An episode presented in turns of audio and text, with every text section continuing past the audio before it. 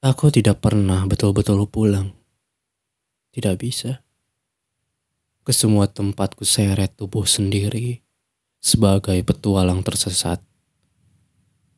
Bahkan di negeri jauh, tempat aku lahir, dan seorang perempuan mengajariku tersenyum kepada diri sendiri.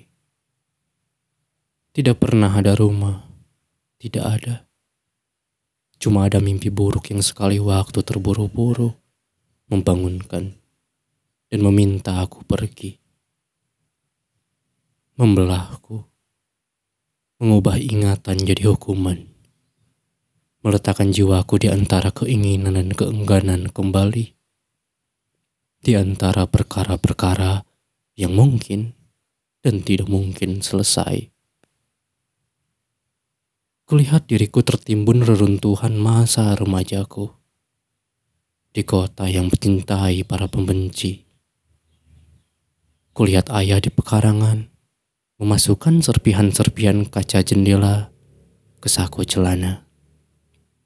Ibu tidak ada di dapur dan di mana-mana. Tetapi di jalan-jalan, negara melintas sebagai perayaan ringkas dan huru hara yang tidak pernah tuntas. Setiap hari tumbuh retakan baru di tubuhku.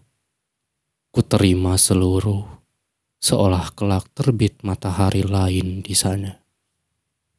Ya, ribuan matahari.